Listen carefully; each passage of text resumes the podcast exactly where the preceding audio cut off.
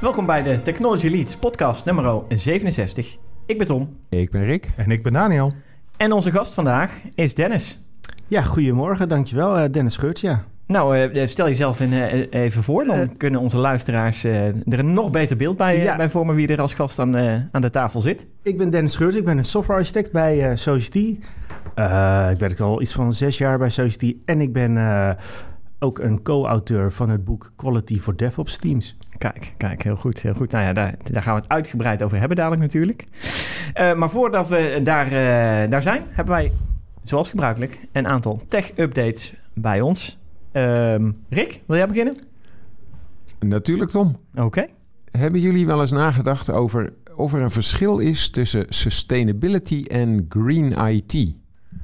Nee. Nou, ik wel. nee. Zeker. Ja. Kan er kort over oh. zijn. ja, ja, ja. En, en wat denk je, Tom? Nou ja, het is, het is mijn, mijn topic op dit moment binnen de high-tech uh, activiteiten die we, die we doen. Dus, de, dus dit is heel duidelijk mijn, mijn onderwerp. Uh, sustainability is de overkoepelende term. Wat mij betreft. En Green IT is slechts één manier om dat in te vullen. Of om tech in te uh, zetten om een bijdrage te leveren aan sustainability. En sustainability Precies. kun je zelfs nog verder uitsplitsen in, nou ja, een CO2-equivalent uitstoot bijvoorbeeld. Dat is de meest gebruikte wel, denk ik. Maar we hebben 27, 17 Verenigde Naties doelen die allemaal met sustainability te maken hebben. Uh, variërend van watergebruik tot armoedebestrijding, tot uh, beter leven in water, et cetera. En CO2-uitstoot, broeikasgassen is daar één van. Ja. En met Green IT kunnen we een bijdrage leveren aan reductie bijvoorbeeld van energie en dus aan uitstoot. Ja. Even in, maar, in een nutshell. Ja, dat, dat klopt. Want ik, ik, was uh, vorige week in uh, Noorwegen op de Test Expo en daar was uh, het, het, thema was sustainability. En ja. nou, ik mocht daar ook wat vertellen op basis van de toevoeging van de derde editie van ons Quality for DevOps Teams boek. Ja. En, um, maar maar uh, wat heel veel mensen dus zich inderdaad niet realiseren... is dat er een verschil is tussen green IT en sustainability. Omdat heel veel IT'ers zijn gericht op de IT-kant. Dus die denken, nou, als ik green IT heb, dan ben ik sustainable bezig. Maar uiteindelijk gaat het bij sustainability om de totale impact op de planeet van je totale businessproces. En IT is daar een onderdeel van.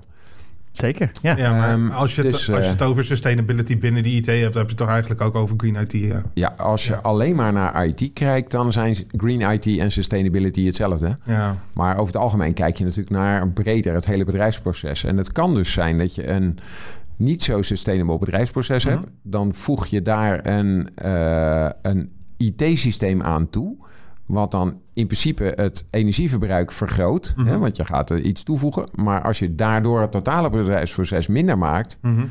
uh, dus, dus meer sustainable... Ja. Nou, dan uh, is dat uiteindelijk waar Voor, je naar streeft. Een voorbeeld kan natuurlijk zijn dat je een proces hebt... waar je heel veel papieren formulieren hebt... en dat je dat vervangt door een app... en dat misschien de ja. app dus extra uh, energie kost... om die in de lucht te houden en dergelijke... Maar dat je dus uh, in één keer, uh, weet ik veel hoeveel bomen aan uh, papier bespaart. Ja, inderdaad. En ja. dus transport en ja. dus CO2 ja, en dus nog en allerlei handelingen die daarmee te maken mm -hmm. hebben. En het is een hele keten die daarmee ineens ja, ja. om de hoek komt kijken. En die kun je trouwens weer heel mooi in kaart brengen met mm -hmm. zoiets wat heet life cycle analysis. Ja. Waarin je juist al die sustainability doelen uh, allemaal naar boven kunt krijgen. En dat, dat is wel heel interessant inderdaad. Je zei net, uh, Rick, dat in de, als je puur naar IT kijkt... dat Green IT en Sustainability hetzelfde zijn. Of e equivalent zijn. Hè? Uh, maar als je echt naar de breedte van sustainability kijkt... dus ook zegt armoedebestrijding, ik noem er eentje... Ja, okay, dan wordt het, daar kun je natuurlijk ja. IT wel voor inzetten, hè, overigens. Ja. Maar dan ja, is het zeker. op een andere manier weer. Dan is het niet per se green want, IT. Want sustainability heeft drie subkarakteristieken. Mm -hmm. Dus... Uh, omgeving, milieu, uh, sustainability en economisch en sociaal. Ja, ja, precies. En die armoedebestrijding zit natuurlijk meer in de economische en de sociale hoek. Sociale hoek, ja, zeker. Um, ja. Maar over het algemeen zie je dat als uh, dat beter wordt, dat dan ook weer de milieukant beter wordt. Absoluut, absoluut. Ja, ja ze hebben heel sterke interactie met elkaar natuurlijk, die, die drie. Ja, het is een hele mooie drie-eenheid ook weer ja. hier nou, die samenwerkt. Wat, ja. ik, wat ik wel interessant vind altijd is de meetmethodes voor zulke dingen. Want wat je heel veel ziet is dat grote bedrijven... die hebben door de meetmethodes... hebben ze heel veel onderdelen van hun bedrijf afgestoten... omdat die onwijs bezwarend zijn voor het milieu bijvoorbeeld. Ja, en dat, ze daardoor dan uh, ja, bepaalde onderdelen gewoon af, afstoten en zeggen van joh, laat dat maar door vendoren uh, gebeuren en dergelijke. Ja, maar, dat, maar als je naar je bedrijfsproces als geheel kijkt, maakt dat niet meer uit. Want dan moet je die vendor ook mee rekenen. Maar zo wordt meestal niet gemeten. Nee. Nou, nee, nee, nee, door de overheden in ieder geval. Nee, dat is ja, in de toekomst is dit wel... Uh, ik ga dit steeds meer een grote rol te, uh, spelen. Want dan wordt het, is het niet meer je eigen straatjes schoonvegen. Maar dan is het inderdaad alle, de hele keten. Dus ook de toevoer van, van ruwe grondstoffen, bij wijze van spreken... Die, uh, die, die gaat dan een rol spelen daarin, zeg maar. en of jij... Dus je kunt wel zeggen dat je met z'n allen elektrische auto's rijdt. Maar daarvan moeten ook weer batterijen gemaakt worden. Mm. En daar zit weer allerlei nare grondstoffen in... die gedolven worden in mijnen in Afrika... waar kinderen uh, ingezet worden bijvoorbeeld. Nou, et cetera. Dus je kunt die keten echt heel lang maken. Er was laatst een... Uh, een ja, ik zag ergens een video uh, van, ik geloof in Indonesië, waar een compleet eiland wordt afgegraven. Want ja. daar hebben ze een bepaalde grondstof die je voor batterijen nodig hebt. Ja. Dus in het kader van sustainability wordt gewoon een heel eiland met alle bossen die erop staan en zo, allemaal afgegraven. En daar zeiden ze ook doodleuk. Ja, voor, voor ons eiland is dit heel vervelend. Maar voor de sustainability van de wereld is dit prima. Want nu kunnen we batterijen maken. En dan, ja. nou ja. Dus Elon Musk heeft even een eilandje gekocht. Ja, ja, ja, zoiets. Ja, en dat eten ze even op. Ja. Maar, eh, maar Tom, uh, let jij erop met programmeren misschien in je engineering kant? Ja, ja, ja. ja. Nou ja, ik persoonlijk... Ik, nou, misschien... dat is een lastige vraag natuurlijk. Nee, maar je, je kunt daar wel mee aan de gang. Kijk, de, uh, wat, wat Rick net zei als kwaliteitskarakteristiek is het heel interessant. Want je je kunt dus inderdaad, nou, je kunt sowieso zeggen sustainability by design. Hè? We gaan ervoor voor zorgen dat alles wat we ontwerpen uh, een, nou, een bijdrage, of in ieder geval over nagedacht wordt wat de impact is op één van die sustainability doelen of meerdere. Dat is één ding. En als je puur naar programmeren kijkt, ook daar kun je kunt inderdaad efficiënter programmeren. Ja, natuurlijk. Als je puur naar IT kijkt en code kijkt, van hoeveel, uh, uh, hoeveel queries doe ik om een stuk data boven water te krijgen? En kan dat ook in één query? Want daarmee uh, halveer ik misschien wel het gebruik van mijn datacenter. Of opslag, dat is een hele mooie. Hè? Dat is denk ik misschien nog wel veel duidelijker. Hè? Als ik continu maar tussenresultaten opsla en ze niet weggooi... En ze blijven daar staan. Dat, dat is al een hele, hele, hele makkelijke winst, zeg maar. Plus je kunt je afvragen, moet ik die tussentijdse opslag doen of niet? Of kan ik, kan ik door, kan ik lokaal? Eh, en wat is dan de impact op energieverbruik bijvoorbeeld? Dus er zijn heel veel aspecten op ja, puur programmeren vlak, die al een sustainability um, bijdrage kunnen leveren, denk ik. Ja. Daniel die zei van dat het best wel heel erg moeilijk te meten is. Hoe zou je dit kunnen meten dan? Uh, nou, in dit geval denk ik dat het, dat best wel makkelijk tegenwoordig is om te meten. Omdat je gewoon uh, een aantal hele duidelijke KPI's kunt uh, definiëren. Namelijk storage, cloud storage. Hoeveel cloud storage gebruik jij? Nou, dat kun je meten. hoeveel I.O. vindt er plaats als het gaat om een embedded systeem bijvoorbeeld. en als er I.O. plaatsvindt, waar is dat dan naartoe? hoeveel um, keren zet ik mijn wifi aan, gebruik ik wifi om data te versturen en te ontvangen? Ook daarvan kan ik heel makkelijk energieverbruik meten bijvoorbeeld. Nou, et cetera op die manier kunnen we best wel op die vlakken tegenwoordig, denk ik, heel makkelijk dingen meten en, uh, en dus inzichtelijk maken. Dus ja, dus best wel, uh, we hebben best wel stappen genomen. Het is niet al. Hè, nog steeds blijf je dan heel dicht bij de bron van hetgeen waar je naar kijkt. Dus een embedded device, een, een router of een, uh, een modem in je huis bijvoorbeeld, hè, die het internet binnenhaalt. Dat is vrij lokaal. Ehm, maar ik denk ook wel dat we tegenwoordig tooling hebben om lifecycle analysis te kunnen doen. Niet alleen van het device zelf en het gebruik, maar ook de grondstoffen ervan, het, uh, de plastic behuizing daarvan, waar is die gesourced? Ja. Uh, nou, wat ik net al zei, uh, de, nou, wat Rick net al zei, de, de mijn waar die grondstof voor die accu vandaan komt, ook hoe klein ook, is dat er een waardoor inderdaad de gorilla's niet meer een, een, plek hebben om te wonen? Of, um, en, en is dat waar arbeidsvoorwaarden nog oké zijn of niet? Nou, je kunt dat allemaal meenemen tegenwoordig in een stukje lifecycle analysis. Um, wat overigens uh, realiseer ik me nu net, ook een soort vicieuze cirkel kan zijn. Want doordat we die tool gebruiken, gebruiken we ook weer energie. Gebruiken we ook weer... Nou ja, het, ja je kunt daar wel heel ver in gaan. Ja, zo, uh, zo uh, wordt het heel complex. Zo wordt het inderdaad heel complex. Maar inzicht krijgen erin is denk ik wat iets wat we nu wel kunnen. Nog niet altijd super makkelijk, maar dat kunnen we. En nu is de truc om dat te gebruiken om dan ook verbeteringen door te voeren. Dat is dan de volgende stap. Ja, en ik denk dat het ook wel grappig gaat worden met, met al die grote bedrijven waar ik het net over had, die um, die dus bedrijfsonderdelen hebben afgestoten. Ik denk dat dat gaat veranderen de aankomende jaren. Want als je dan die hele, het hele proces gaat meten en alles, ga, eh, alles gaat meten, dus ook de, de vendoren en dergelijke. Wordt het misschien wel interessanter voor die bedrijven om te zeggen: we nemen die onderdelen weer in ons bedrijf op. Omdat Precies. we er dan controle over hebben. En ook een stukje ownership en dergelijke met betrekking tot ja, wat ze eraan kunnen doen. En sneller misschien wel dingen kunnen forceren dan als het een vendor is. Ja. Dus True. ja. Dan, volgende item. Ja, ben ik aan de beurt? Ja, zeker Daniel. Jij bent aan de beurt. Ja.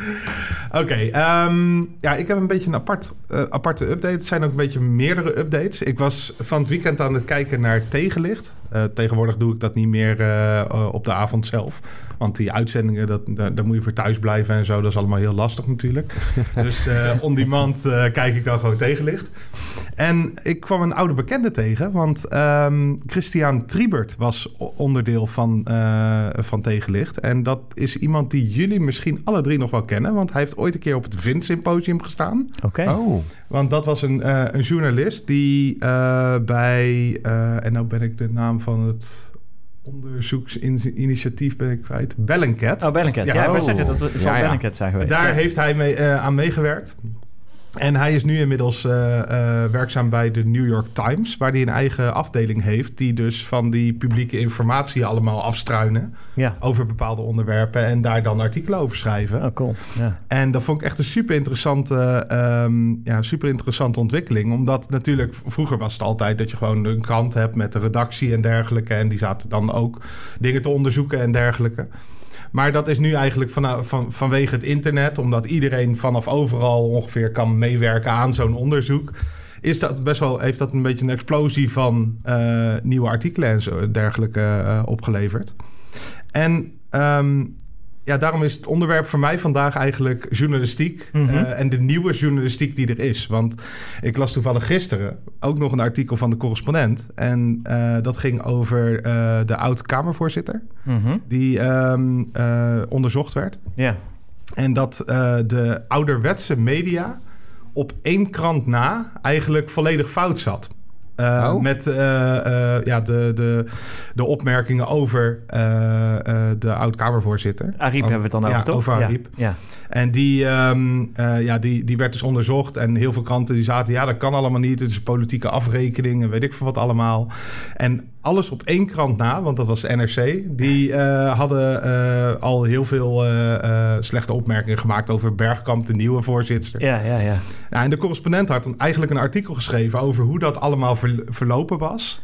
Oh, en ja, die hadden ja, ja. ook nog eens een keertje eigenlijk de, de oude media ter verantwoording geroepen. Ja. En dat vond ik best wel grappig, want de correspondent is ooit ontstaan uit een oud hoofdredacteur volgens mij van NRC Next. Ja, ja klopt ja. ja en ja. die heeft toen, uh, toen NRC Next gestopt was, heeft hij de correspondent opgericht. En dat was een ja, nieuw medium eigenlijk hoe ze dat Precies. deden. Want dat is, ja, je betaalt per maand, maar het is gewoon een online website waar af en toe artikelen verschijnen. En dat is nu, nu best wel groot geworden, want ze hebben ook volgens mij een boekentak en weet ik veel wat allemaal. Maar ik vind het wel grappig dat je dus en aan Christian Triebert dus ziet en aan de correspondent... dat er gewoon heel veel innovatie toch nog is op die, ja, die oude industrie, zeg maar, die Ja. er is. En dat vind ik best wel, ja, Maar- best wel bijzonder. Maar wat ik dan eh, toch nog even interessant vind over Ja? dat stukje van de correspondent is hoe. eh, ehm, wat hebben ze dan precies aangetoond wat die oude media verkeerd deden? Ja, dat ging over de artikelen die ze allemaal schreven over hoe... eh, ehm, ja, dat ging voor, voornamelijk over de... ehm, over dus de afrekening waar, waar Ariep het over had. En dat eigenlijk eh, de... de eh, ja, pre- presidium? Ja, dat is Ja, de ja. voorzitterschap die, van die de hadden Tweede Kamer. allemaal unaniem besloten dat er een onderzoek moest komen. En dat waren alle politieke partijen ongeveer die daarin zaten. Ja, En eh, daar had bijna niemand het eigenlijk over. Iedereen die had het alleen maar over die politieke afrekening van D66. Terwijl het eigenlijk gewoon alle partijen waren die daar... ja zelfs oké. PVV was er mee ingestemd en weet ik veel wat allemaal. Dus, en die riepen ook het hardst van... ja, ze wordt afgerekend door Bergkamp. dus dat was, was best wel bijzonder. Ja. En eh, ja, wat, wat zij eigenlijk ook aangaven... was dat eh, de oude media eh, te weinig oog had voor... hoe ehm, bepaalde onderdelen van de Kamer werken. Dus dat presidium, dat moest eigenlijk ook dat onderzoek instellen. Want dat is de werkgever eigenlijk van, de, van Ja. die mensen daar. Mhm, mhm. Ehm, en ehm, er was dus ook een, een, een andere commissie die ging over de Kamer. En daar hadden ze in één keer veroordeeld dat, dat, dat het onderzoek er kwam. En die hebben toen ook gezegd van ja, we moeten dit stoppen. Maar er was ook weer een, een van de mensen van, die, van dat groepje weer... die had gezegd van ja, maar wij gaan daar eigenlijk helemaal niet over. En daar had niemand het over. Daar had uh, blijkbaar alleen NRC het over gehad. Ja, oké. en uh, ja, de zuiverheid van uh, al die instanties was een beetje zoek, zeg maar. En dat, dat was wat de correspondent in een onwijs lang verhaal. Want het was echt ja, het was echt serieus lang lezen ook. maar ja, het was helemaal uh, ja, beschreven als een soort van uh, geschiedenisboek ongeveer van, okay, cool. van hoe dat allemaal ging. Maar nu ben ik wel benieuwd, wat, hoe klassificeer want je hebt het over oude media en nieuwe media. Wat, hoe klassificeer je oude media? Um, versus nieuwe? ja, in dit geval, oude media zijn gewoon de ouderwetse kranten, zeg maar. Ja. Die dan wel online ook zijn, want... Uiteraard, ja, ja, ja, ja, je hebt gewoon een online uh, platform net zo goed, ja? Ja, en nieuwe media is denk ik dat het uh, internetmedia zijn misschien wel. Alleen maar internetmedia. Geen papieren krant. Ja, nou, en dan is, is de correspondent heeft wel weer boeken, dus dat ja, is alweer ja, ja, ouderwets. Maar, maar, is het niet zo dat, dat nieuwe media zich meer klassificeren? Want je zei net die uh, Bellingcat bijvoorbeeld als organisatie... en dus ook nu bij de New York Times, nieuwe club... dat ze veel... Ik, tenminste, zoals ik het zie, is het meer open source media. Dat dat het verschil is tussen, open, tussen nieuwe en oude media. Want oude media is traditionele journalisten... die op zoek gaan naar een verhaal, uitdiepen, et cetera. En op basis van wat zij horen van mensen. Hè? Stel dat ik met Dennis ga zitten praten, uh, een interview doen met hem. Dan, en daar schrijft een artikel over. Dat is wat mij betreft oude media. Terwijl als ik alles ga zoeken aan uh, online informatie over Dennis... en ik schrijf datzelfde artikel met misschien wel nagenoeg dezelfde informatie, dan is dat op een andere manier geschreven. Ja en nee. Um, ik denk dat je gelijk hebt over Bellingcat in ieder geval. Ja. Um, maar de correspondent is weer ouderwetse manier van doen. Ja, die hebben gewoon weer wel journalisten. die, hebben gewoon journalisten die, een verhaal gaan onderzoeken. En die dat gaan uh, schrijven en daar misschien een keer een boekje van maken. Oké, oké, oké. Dat is een beetje een link tussen die twee. Ja, ja, tri, ja wat Christian Triebert dan doet, dat is eigenlijk ja, inderdaad open source. En uh, het, het mooie daarvan is denk ik ook, en dat zei hij ook in dit tegenlicht uitzending is dat hij soms ook contact heeft met mensen. Ja, een oud omaatje in Den Haag had hij het over, waar hij dan contact mee had. En die zat dan mee te helpen aan dat onderzoek. Ja, en dat is natuurlijk heel anders. Ja, precies, precies. En, en een stukje waarheid, een waarheidsvinding, zeg maar, van dat soort open source data is natuurlijk heel anders dan dat dat waarheidsvinding van een journalist die een, een uh, achtergrondverhaal van een persoon, zeg maar, uh, boven water probeert te krijgen. Dat is natuurlijk ook weer anders. Ja, oké, cool. Nou, van uh, journalistieke uh, oude nieuwe media naar uh, super high-tech als laatste item. Kijk. Althans, ja, nee, ja, dit is, dit is wel super high-tech. De, hebben jullie gehoord van de, um, hoe zal ik hem noemen? SKA. Observatory. Observatory. Nee, leg uit. Ska? Ska, ja, ja, precies. Niet de muziek, inderdaad. Dit is SKA. SKA staat voor Square Kilometer Array. En um, uh, er is een uh, project van uh, dat in, in, een aantal delen van 1,3 miljard euro wordt er een, um, volgens mij in 2028 moet het klaar zijn, op twee plekken in de wereld een gigantisch radio-antenne-array gebouwd. ongeveer een miljoen antennes in Australië en ook nog eens een gigantische hoeveelheid in Afrika. We zijn in Australië begonnen. Ja, ja, je hoort het goed, een miljoen antennes. ik zie Dennis met grote ogen kijken hier. Hoeveel? het leuke is, ik vond het wel heel leuk voor deze tijd van het jaar.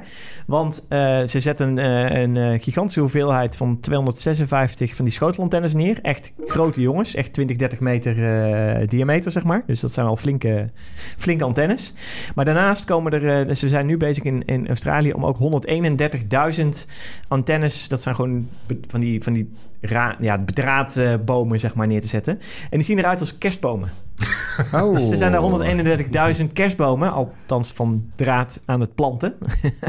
en uh, ja, die, die wordt daar gebouwd, zeg maar. En dat in, Australië. In Australië. Ja, en waarom Australië? Omdat dat uh, toevallig ruimte genoeg heeft? Of is het ook nog geografisch een handige plek of zo? Mm, nee, het is vooral ruimte en geen ruis. Ja, oké. Dus ja, gewoon geen, geen storing, zeg maar, of minder storing. Uh, en, en, en, wat proberen, willen ze daar dan precies mee opsporen?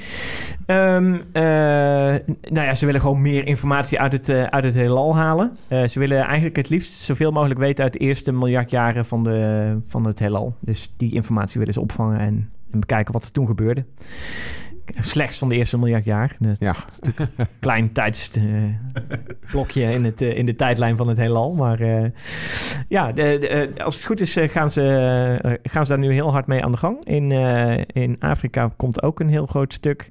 Eh, nog veel groter volgens mij. In eh, hele droge regio's, zoals woestijnstuk, gaan ze 150 kilometer volzetten met eh, ook weer met van die enorme schotels en, eh, en nog meer eh, antennes. Maar daar, daar moet dan ook wel een partijtje eh, zonnepanelen bij komen voor de stroomvoorziening. eh, ja, ja, ja, ja, Misschien zeker. dat dat zeker. wel de reden is trouwens dat ze het daar doen.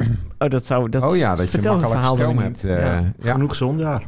Ja, Dat is waar. Ja, ja energie. Wat dat aan, eh, ja, dat dan gaat meer dan genoeg, inderdaad. En ik hoorde 256, de nerd in mij zegt eh, dat Ja. dat de macht van 2 is. Is dat daarom ook eh 256? Nee, dat zal ongetwijfeld ermee Nou te ja, maken dan hebben. kan, je, dat, eh, kan je ze inderdaad nummeren met één byte. eh. ja, ja, ja, ja, ja. Ja, ik ik weet het niet. Ik denk, ja, ik denk haast niet dat het uitmaakt meer. Het zal ongetwijfeld met plek of met, ja, zeg het maar. Het zijn 500 arrays van 256 antennes. Dus het zijn niet 512 arrays. Dus in die zin, ja. Ja, of het artikel is niet helemaal compleet en het zijn er wel 512. Ja, oh, dat zou ook nog goed kunnen, inderdaad. Ja, ja. Maar, Maar goed, ja, het leuke is, eh, ze, hebben het er vol gezet. Eh, ze zijn het vol aan het zetten met kerstbomen. En ehm, eh, in Australië hebben ze het ook een hele mooie naam gegeven, weer in de oude taal van de Aboriginals in Injarimanya Ilgari Bundara, als ik het goed uitspreek. perfecte uitspraak. Ja, Echt. Wat, wat zoveel betekent als eh, eh, in goed Engels sharing sky and stars. Dus Oh, oké. ik vind het wel mooi. mooi Ja, dat ze dat mooie weer- ja, ja, beter als SKA, toch? Ja, Ja. Duidelijk. Ik ben benieuwd wat dat in Afrika gaat eh, heten dan. Welke mooie naam Eh, ze dat is een goede vraag. Ehm, Ik ben vooral benieuwd naar Tom zijn eh, uitspraak daarvan. Ja. ja, ja, ja, ja.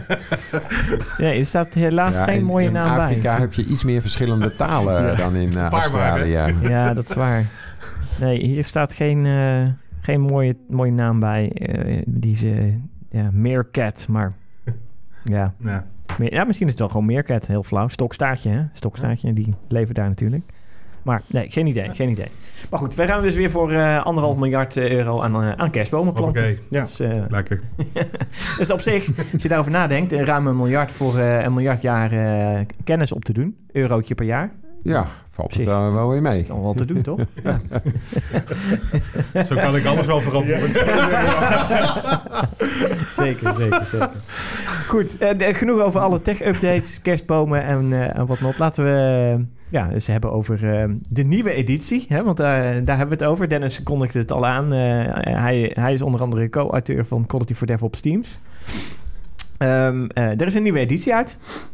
De derde editie. De derde, Derde editie, ja. Kijk, ja, nou, hartstikke mooi natuurlijk dat, eh, eh, dat we de derde editie al hebben. En eigenlijk hebben we natuurlijk ook al een klein tipje van de sluier opgelicht met eh, sustainability, denk ik. Hè, als quality attribute. Is Ja, een van dat de nieuwe toevoegingen Ja, aan het Eén boek. van de toevoegingen, ja, daar zitten veel meer toevoegingen in. Ja, ik, maar ik wou het net zeggen, want het, en er zitten meer toevoegingen in. Wat, wat zijn andere grote updates voor eh, de derde editie? Eh, nou, onder andere eh, schrijven we iets over de, de, de SBOM, de Software Bill of Material. Maar we schrijven ook iets over continuous improvement. Want een applicatie heeft vaak een kop en een staart.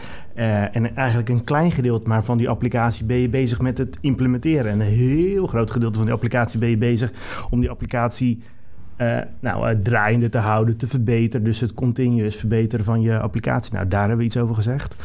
Ehm, we hebben iets meer over het. We hebben het, ehm, het onderwerp eh, control, waar we iets meer eh, uitdieping hebben gedaan.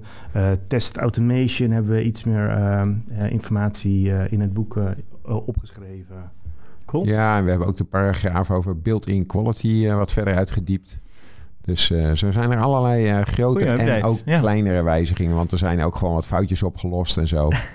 dus, eh, ja, dat kan toch niet waar zijn in- dat er in- foutjes in in zaten? een boek over kwaliteit Nou, nou, heb je ja. altijd mogelijkheden om kwaliteit te verbeteren.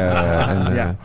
ja, nou, je, je zegt er zullen toch geen foutjes in zitten. Maar het is verrassend als je goed reviewt en dan iets publiceert en er dan nog eens kijkt dat je denkt, zo, waarom hebben we dit bij de review niet gezien? Ja, het, ja, ja, het is Dus, eh, ongelooflijk. Ja, soms is zelfs een, een referentie naar een plaatje of zo die, die niet helemaal klopt. Dat, soort dingen die Ja, sluipen er gewoon in. telling. inderdaad, Ja, ja. En, en soms ook technische dingetjes. In de, in de, eh, de, de eerste EPUB van deze derde editie... daar was één plaatje, er was gewoon een verkeerd plaatje terechtgekomen... en die zat wel goed in het papieren boek... Oh, en in de EPUB niet. Nou, Nee. dat is dus gewoon ergens in het systeem is dat fout gegaan. nou, dat, was. Gelukkig kun je een EPUB makkelijk aanpassen. Ja, ja, dus eh, alleen de eerste paar mensen die hem gedownload hebben, die hebben nu een verkeerd plaatje.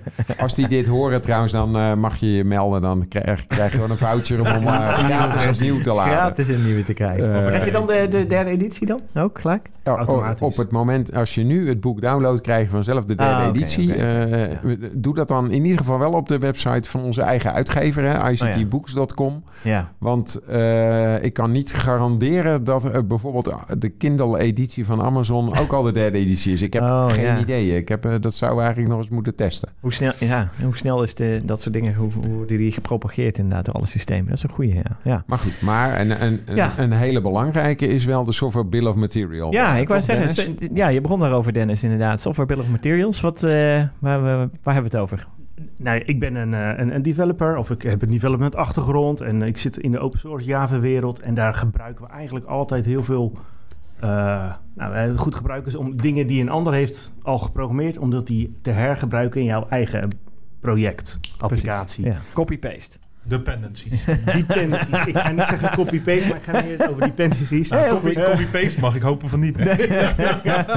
nou ja, Stack Overflow, Stack Overflow programmeren is ook heel populair. Hè? Ja, ja, ja. ja, ja. Eh, maar, maar dat is iets anders, want dan kopieer je gewoon broncode. Bij, bij dependencies kopieer je of trek je hele bibliotheken van een ander naar binnen. En eigenlijk weet je dan niet wat je nou precies Nee, allemaal naar binnen aan het halen bent. precies. Eh, en het hoeft trouwens ook niet, het kunnen ook gewoon frameworks zijn. Hè? Eh, Java, daar doen we veel met Spring Boot.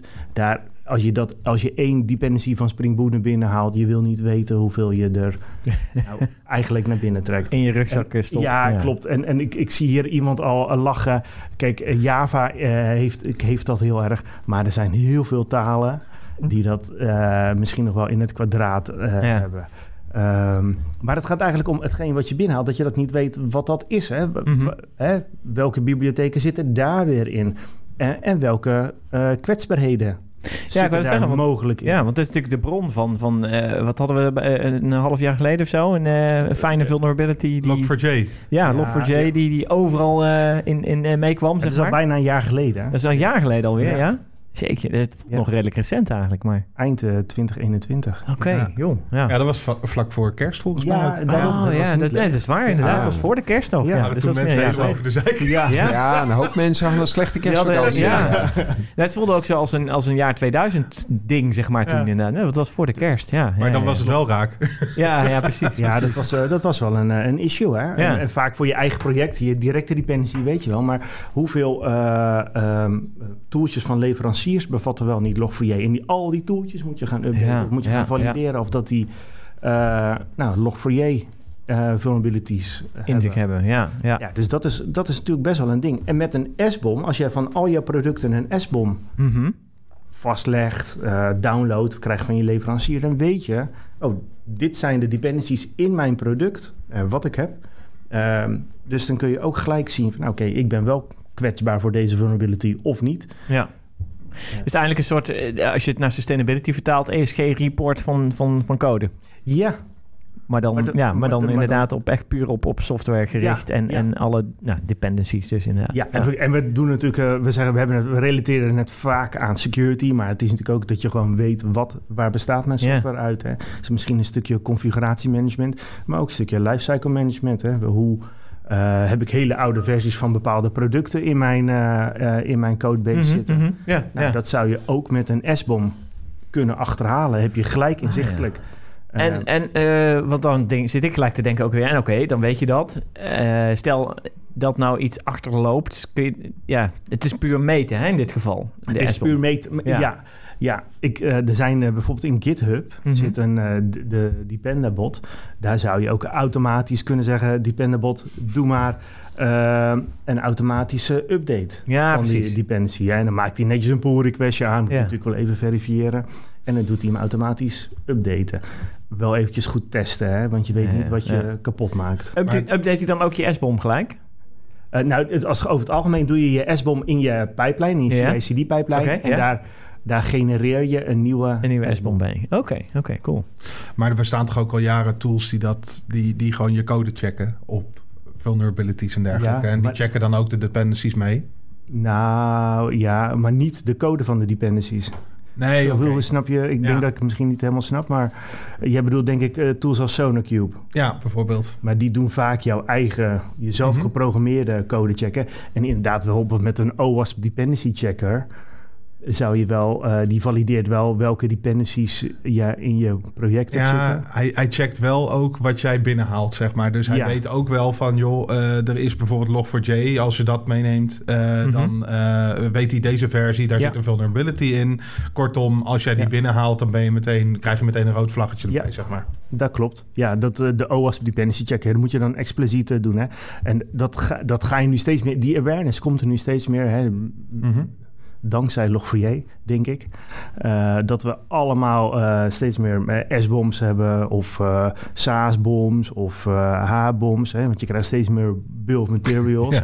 Ja. Eh, het is niet alleen maar software, het zijn ook je SaaS-producten wat je allemaal gebruikt of je hardware-producten die je gebruikt. Ja, die IoT-troep en zo. eh, Heb je dat allemaal niet bij, hoor? Nee, nee, dus eh, ja, het wordt steeds belangrijker en steeds eh, eh, makkelijker om inzicht te krijgen in wat je allemaal eh, hebt draaien.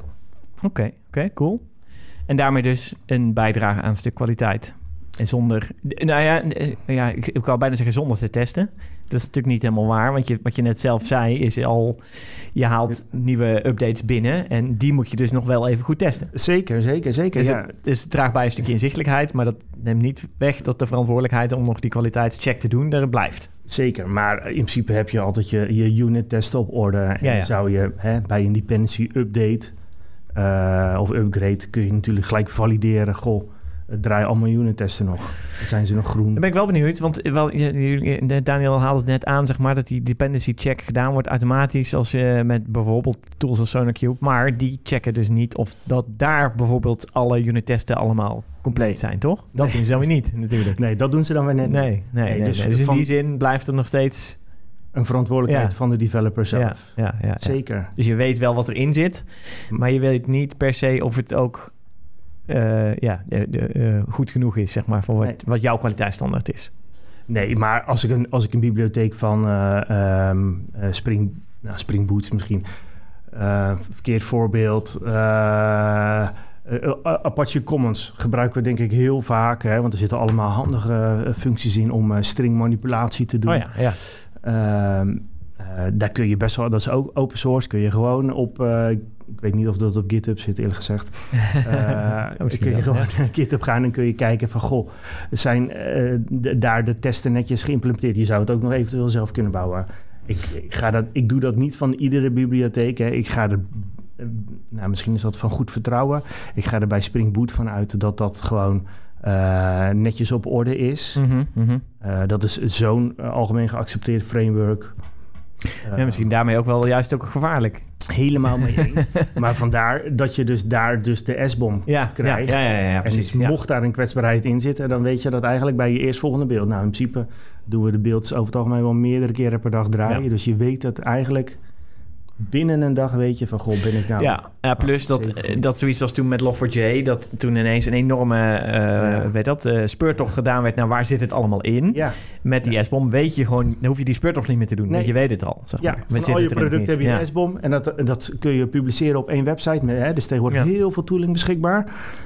En dan doe je gewoon een log4j. Nou, je weet gelijk welke versies, Ja, waar, wel je, welke versies je waar gebruikt. Ja, Maar dus- wat ik me dan even afvraag, want ik zit hier wat minder diep in dan jullie, eh, is zijn er ook leveranciers of, of open source communities die nog geen S-bom gebruiken? vast. Maar Ja. de- voor mij zijn ze bezig eh, op Europese Unie-niveau om het eh, verplicht te stellen voor leveranciers. Zodat je het moet leveren. Dus er geen Oh, vrijheid meer is, maar gewoon jij moet een S-bom. Dus zonder bij S-bom is jouw eh, product niet klaar. Nee, Maar ja, hoe dwing je dat dan weer af? Nou ja, met wet, en regelgeving. Ja, ja, Ja, oké, eh, maar dan nog. Ja. Weet je, Nou ja, maar ja. dat, het begint Ja, er wie dan gaat mee. het allemaal dat in- checken, zeg maar, Nee, maar het begint er dan mee dat overheidsorganisaties gewoon jouw spullen niet meer kopen. En aangezien Ja. de overheid een hele grote inkopende partij is, Ja, oké, oké, ja. Ja. Ja, en hallo, hetzelfde is natuurlijk met, eh, hoe heet het? ehm waar ben ik kwijt. Van de, dus ook eh, voor de eh, persoon, eh, Oh, ja. Oh, GDPR. Ja, GDPR, dat, eh, ja. dat, wie gaat dat controleren? Dat gebeurt ook. Nou, nee, maar dat, Ja, is, maar dat, is dus wel een, dat is, vind ik dus een, wel een issue. Want Ja. daar zijn de, dan wordt er dus ook een instantie in het leven geroepen die dat moet gaan checken. Maar die is vervolgens zo klein of het zo weinig geld dat, dat, het, dat je je af Nou kunt ja. vragen of het überhaupt zin heeft. Ja, dat ze maar dat het doen. kan ermee beginnen dat als jij een conflict krijgt met een leverancier, dat je dan naar die instantie gaat en zegt: hé, hey, volgens Ja. mij eh, doet deze het niet volgens de regels. Ja, maar dan krijg je de situatie dat de club die dat inderdaad moet doen, waar je naartoe mag stappen eh, voor een geschil, hè, stel dat het optreedt, die zegt, nou prima eh, meneer Marcelis, eh, uw, eh, uw eh, aanvraag wordt hier op deze stapel gelegd en over drie jaar bent u aan de beurt, denk ik. Weet je? Ja, dat hangt ervan af hoe vaak het misgaat. eh. Nee, ja, ja, natuurlijk. Maar goed, dat is een beetje het lastige van dit soort wet en regelgeving. Dat ja. ik vind wel dat de politiek, het, die hebben volgens mij niet het inzicht in de, eh, de impact die zo'n eh, zo'n wet eh, zeg maar met zich meebrengt. Dat als je ze iets eh, eh, verplicht stelt, dat je het eigenlijk ja, je dan maar moet geloven in de goedheid van alle leveranciers dat ze dat gaan doen, omdat het eigenlijk gewoon technisch niet te controleren is. Tenzij je er eh, eh, een instantie tegenaan gooit die zo groot is dat ja.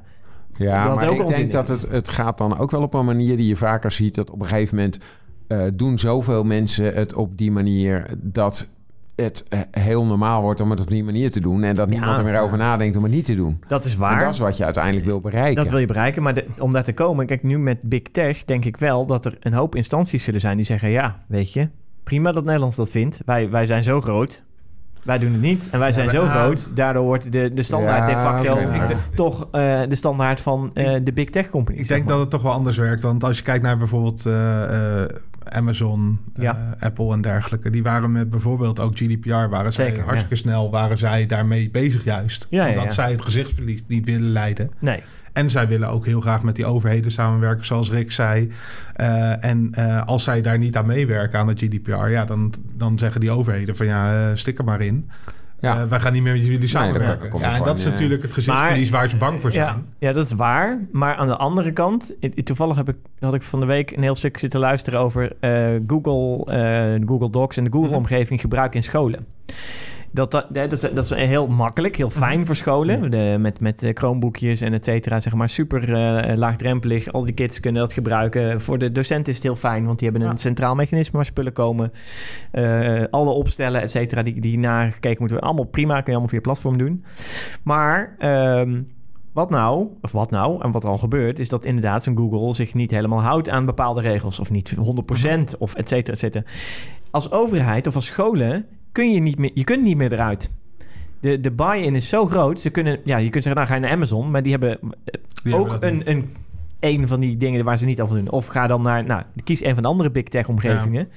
Je kunt niet meer, je kunt, ja, je kunt er wel uit, maar dan, dan eh, je kunt niet een Linux eh, systeem optuigen, zeg maar, om, eh, en omgeving waarin je kan werken. In theorie kan het wel, maar in praktijk gaat het niet werken, zeg maar. En dat is een beetje waar ik ja, een beetje advocaat van duivel spelen ben nu in, met, qua vraag, zeg maar, van ja, maar gaat dat wel werken om dit soort wet en regelgeving af te, met wet en regelgeving af te dwingen? Ik denk dat politiek heel erg na moet denken over, oké, wat is dan de impact van zo'n wet of een regel eh, op, op Ja, maar, handhaving, eh, op ik- technische dan- implicatie, et cetera, et cetera. Ja, maar je hebt ook nog twee manieren van eh, regelgeving. Want je kan het allemaal bij de overheid leggen... of je kan zelfregulering doen. Dat is waar, ja. Ik, ik, vond dat een, een heel mooi voorbeeld daarvan, vond ik SEPA, de Single Euro Payments Area. Ja. Dat, dat komt uit Brussel, dus iedereen denkt dat het van de Europese Unie komt, maar dat is helemaal niet waar. Dat komt van de European Payments Council en dat is gewoon een samenwerkingsverband van banken. ja. Die banken hebben zelf gewoon die regel bedacht en tegen de Europese Unie gezegd, vind je het goed dat wij dit doen? En Ja, die zeiden, oh, dat is handig dat jullie dat zelf doen. Maar dan is er een financiële stimulans, zeg maar, hier, hè? Dat is gewoon helemaal heel duidelijk eh, wat, wat Nou, hier de winst dat- is voor die banken. dat- de- nou, voor die banken is het handig om een standaard te Ja. hebben. ja, En dus kan je zeggen, voor IT-bedrijven is het ook handig om een standaard te hebben. Dus Zeker. waarom ga je niet als IT-bedrijven onder elkaar gewoon zoiets afspreken? Of maar als IT-community? Want, Ja. want die S-bom, Dennis, komt dat nu eh, vanuit eh, bepaalde bedrijven? Of is dat gewoon de community beda- die bedacht heeft van, hé, hey, dit is handig? Nou, voor mij zijn er een paar varianten. En Cyclone DX, dat is voor mij een van de bekendere. En die was van OWASP uit eh, eh, verzorgd. Oké. En dat is gewoon een nou, eigenlijk ook uit de community Ja, dat is echt een community. geboren standaard. Eh, maar wat ik denk is dat het straks de, de- een S-bom genereren in je bouwproces straks net zo eigenlijk normaal is als dat je unit testen bouwt. Hè? En dat je je tanden poetst iedere dag. Dat, hè, dat, zo doet ook iedere developer. hygiëne. Het is gewoon hygiëne van je project. Je gaat er gewoon aan voldoen. En eh, je, je Ja. kan hem, ik, ik denk dat je hem straks kan downloaden op de website bij versie XIZ van dit product. Hoort deze S-bom of deze MD5 hash om te valideren of dat je dat gedownloaden eh, wel, wel goed is. Maar, maar dan ben ik ook wel even geïnteresseerd in hoe hou je het up-to-date? Want, Dat is want een goeie, eh, hè, wordt dat automatisch up-to-date gehouden? Of? Nou ja, ik denk de, van de, van, hè, als je zelf je applicatie bouwt, dan ga je het gewoon in je pipeline eh, doen. Eh, op het moment dat je hem ehm, ehm, gaat, je, je kan ook je versie taggen en versienummer ingeven. Ehm, eh, dan kun je hem denk ik, nou, dan, kun je hem ook signen. Dus dan kun je een soort hashcode geven, zodat je weet van dit is de S-bom die bij deze versie van dit product hoort. Ja, oké. En ik denk dat het gewoon onderdeel wordt van wat je allemaal publiceert bij een release, zeg maar ook. Ja. Dat je dus gewoon gaat krijgen van, joh, je hebt je release notes. Je hebt daar meestal ook een license bij- zitten, zeg maar. Of het een Mhm. MIT-license of weet ik veel wat is. En dan misschien zit daar gewoon een S-bom bij. Als een van de deliverables van een release, zeg maar. En ik denk dat dat zal verschillen per, ja, per, per plek waar je al die dependencies ophaalt. Want je hebt natuurlijk eh Node Package Manager en dat soort dingen. Ja, je hebt er ontzettend veel verschillende varianten van. Ja, en nu zeg je het over een licentie, maar dat, is- dat is ook een manier. Hè? In een S-bom zou je ook dus al die licenties van al die open source producten kunnen eh, checken. Eh, als je bij de overheid zit, mag je niet altijd in alle situaties zomaar alle producten gebruiken of, of alle bibliotheken gebruiken. Eh, hè, want dan zou je dingen moeten, eh, open source moeten gaan maken. Ja. Nou, jouw S-bom is daar een heel mooi middel voor om te kunnen zien, voldoe ik aan de requirements, ehm, zodat ik niet mijn product open source hoef te maken. Ja, ja, ja, slim. Ja. Wat is nog één ander item, update van de derde versie, eh, derde druk van Quality for DevOps Teams, Dennis, die je nog even aan zou willen halen, aan zou willen stippen? Nou ja, wat ik, wat ik net al gezegd heb, is de, het onderhoud. Ik denk dat wij eh, denk dat we meer aandacht moeten besteden aan hoe. Hè, eh, laten we zeggen, 70% van de tijd van de levensduur van je applicatie is, zit het, is de applicatie in onderhoud. Hè? Is die al live? En Ja, ja. gaan wij ehm, patches toevoegen, bugs fixen, wijzigingetje hier, wijzigingetje daar. En eh, als je idealiter zie hè, ehm, dat, dat het product, op het moment dat je het release, is het een, een mooi rond product. Hè? Een mooie, ronde, eh, egale vorm. En je zal zien, na aanleiding van de eh, wijzigingen en bugfixes, wordt het niet zo rond meer. En daar moet je meer aandacht aan besteden. ehm, eh, zodat het product mooi rond blijft en dat het de filosofie waar, eh, behoudt waarmee het ooit is gebouwd. eh, hè, dat de design patterns gebruikt blijven worden waarmee je ooit bent begonnen. Oké, en, en is daar dan een mechanisme voor, zeg maar? Of is het gewoon puur de filosofie erachter dat je dit zou willen? Want ik kan me voorstellen dat je natuurlijk elke keer een soort pukkel aanbouwt... en weer een uitbouw en een, en een eh, hoekje en, een, eh, en ergens een deukje in, eh in Ja, but, zeg maar. En een uh, korte de bocht oplossing snel oplevert, et cetera. Ja, in, in- wij noemen dat in het boek ook wel de, de pukkelplaat. Ja, ja. Ehm, Heel mooi, heel mooi. Klopt. Ja, Maar precies. Ik, ik laat hem hier nu even Ja, zien. ja, ja. Eh, dus eh, de, de, eh, Dennis heeft een plaatje gemaakt met het initiële systeem en dan allemaal eh puisten daar aangebouwd. Ja. En het ideaalplaatje waarbij je gewoon het eh, systeem eh, volgens de oorspronkelijke architectuur uitbouwt. Ja, mooie En- schillen en- eromheen bouwt als een soort ui de Ja, andere kant uit groeit, zeg maar. Ja. ja, en de ene keer groeit hij meer dan de Ja. andere keer. En hij Ja, kan ja. ook een stukje krimpen, hè, want je kunt ook Ja, tuurlijk. weg. je kan ook denken eraf halen. Ja, ja, ja. ja, ja, Eh, Jack niet, hè? You ain't gonna need it. Ja. Gooi dingen weg, want dat zit, Ja. to- zit toch in versiebeheer. Hè? Dus Ja, waarom ja. zou je het allemaal willen bewaren? Ja, zeker. Ehm, zeker. maar dus je hebt heel veel design patterns eh, om je product inderdaad dat rondje te houden. En Mhm. als jij gaat afwijken van zo'n design pattern, ja, dan ga je die gekke pukkels bouwen. Ja. krijgen. Ja, ja, ja, ja, ja. Ja, en het is, kijk, dat is één ding, maar dan het onderhoud doen, want daar begonnen we mee, Ja. zeg maar. Op zo'n zo'n gekke, ja, gekke, Ja. gekke vorm is, is een stuk lastiger als dat te doen op. eh, Dat klopt, ja. ja. En zeker als je al lijf is, dan kun je niet altijd... eh, nou, dan wordt het misschien een ovaaltje in plaats van een rondje. Want je kunt niet altijd zomaar iets... ehm, Nee, ik kan me voorstellen dat backwards compatibility soms in de weg staat om een, uh, een change te doen, zodat die, die perfecte cirkel die je uh, als ideaalplaat hebt, zeg maar, of die, ja. die ui die je wil bouwen, dat die, dat die soms net aan één kant net iets dikker een schilletje krijgt dan aan de andere kant. Zo. Ja. Ja, Maar goed, maar, dan nog steeds blijven we binnen de grenzen van... Maar denk daar in ieder geval over na op het moment dat jij aanpassingen en nieuwe features gaat ontwikkelen. Ja, oké. Ja, want sowieso is het idee dat je uh, probeert om de traditionele spaghetti-code te voorkomen. Uh, waar waar uh, de onderhoudbaarheid gewoon zo slecht is dat, dat niemand er meer een begin en een eind aan weet te vinden. En, en vaak zelfs de oorspronkelijke bouwer ook niet. Hè? Want dat vind ik altijd wel het grappige. Uh, Eens, de, de ja. rommelige ontwikkelaars, die rommelen wat raak. En dan, en dan denk je, ja, maar waarom doe je dat nou? Uh, want het is niet onderhoudbaar. en dan zegt hij, ja, maar ik snap precies wat er gebeurt. Maar als hij dan een jaar later zelf kijkt, ja, ja, weet hij ook niet meer wat er aan de hand is. Ja, zeker. Nee. zeker ja. Dat klopt. En is dit, is dit nou iets wat we achteraf meten? Hè? Want ik heb nu, we zien een mooi plaatje met cirkels en uh, een plaatje met bollen die aan elkaar uh, gegroeid zijn, zeg maar. Dat kun je dan achteraf constateren dat dat zo is. Maar idealiter wil je natuurlijk zo vroeg mogelijk in, de, in het proces hier uh, op acteren, zeg maar. Kan dat dan ook? Kunnen we dit al vroeg meten? Ik denk dat je uh, heel veel met code reviews kunt ondervangen, maar je hebt ook uh, ArgUnit. Nou, ik leef in de Java-wereld, dus ArgUnit, daar zou je dingen mee kunnen valideren tijdens het beeldproces. Uh, dus er zijn wel methodes om te zorgen dat het, dat het originele vormpje in stand blijft. Ja, oké. Okay, oké. Ja, ja, ja en, en het is gewoon onderdeel van je hele continuous improvement. Ja. Waar, waarbij je uh, zowel naar het product kijkt als naar het IT-delivery-proces, als naar de betrokken mensen. Ja. En je probeert alles te verbeteren. Hè? Dus, dus een van de dingen, als je constateert dat het niet helemaal lekker gaat, dan probeer je ook de mensen uh, te coachen of bij te scholen, zodat ook die beter worden in dit soort dingen. Oké, okay, oké. Ja, dus het zit, het zit ook intrinsiek in de, het handelen van de persoon zelf, zeg maar. Zeker. De way of working die je wil... Ja, precies. Het begint uiteindelijk bij de mensen. Oké, okay, cool. Goeie. Um, ja, mooi. Mooie, uh, in ieder geval twee hele mooie topics die we even uh, hebben uh, uit, het, uit de nieuwe, nieuwe druk, derde druk van Quality for DevOps Teams hebben kunnen halen en kunnen bespreken. Um, dank daarvoor, Dennis.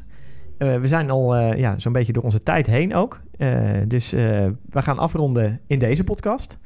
Uh, ik zou zeggen, dank voor jouw bezoek en uh, je uitleg. Graag gedaan. En uh, voor de luisteraars, dank voor het luisteren. En tot de volgende podcast. Tot de volgende. Tot de volgende.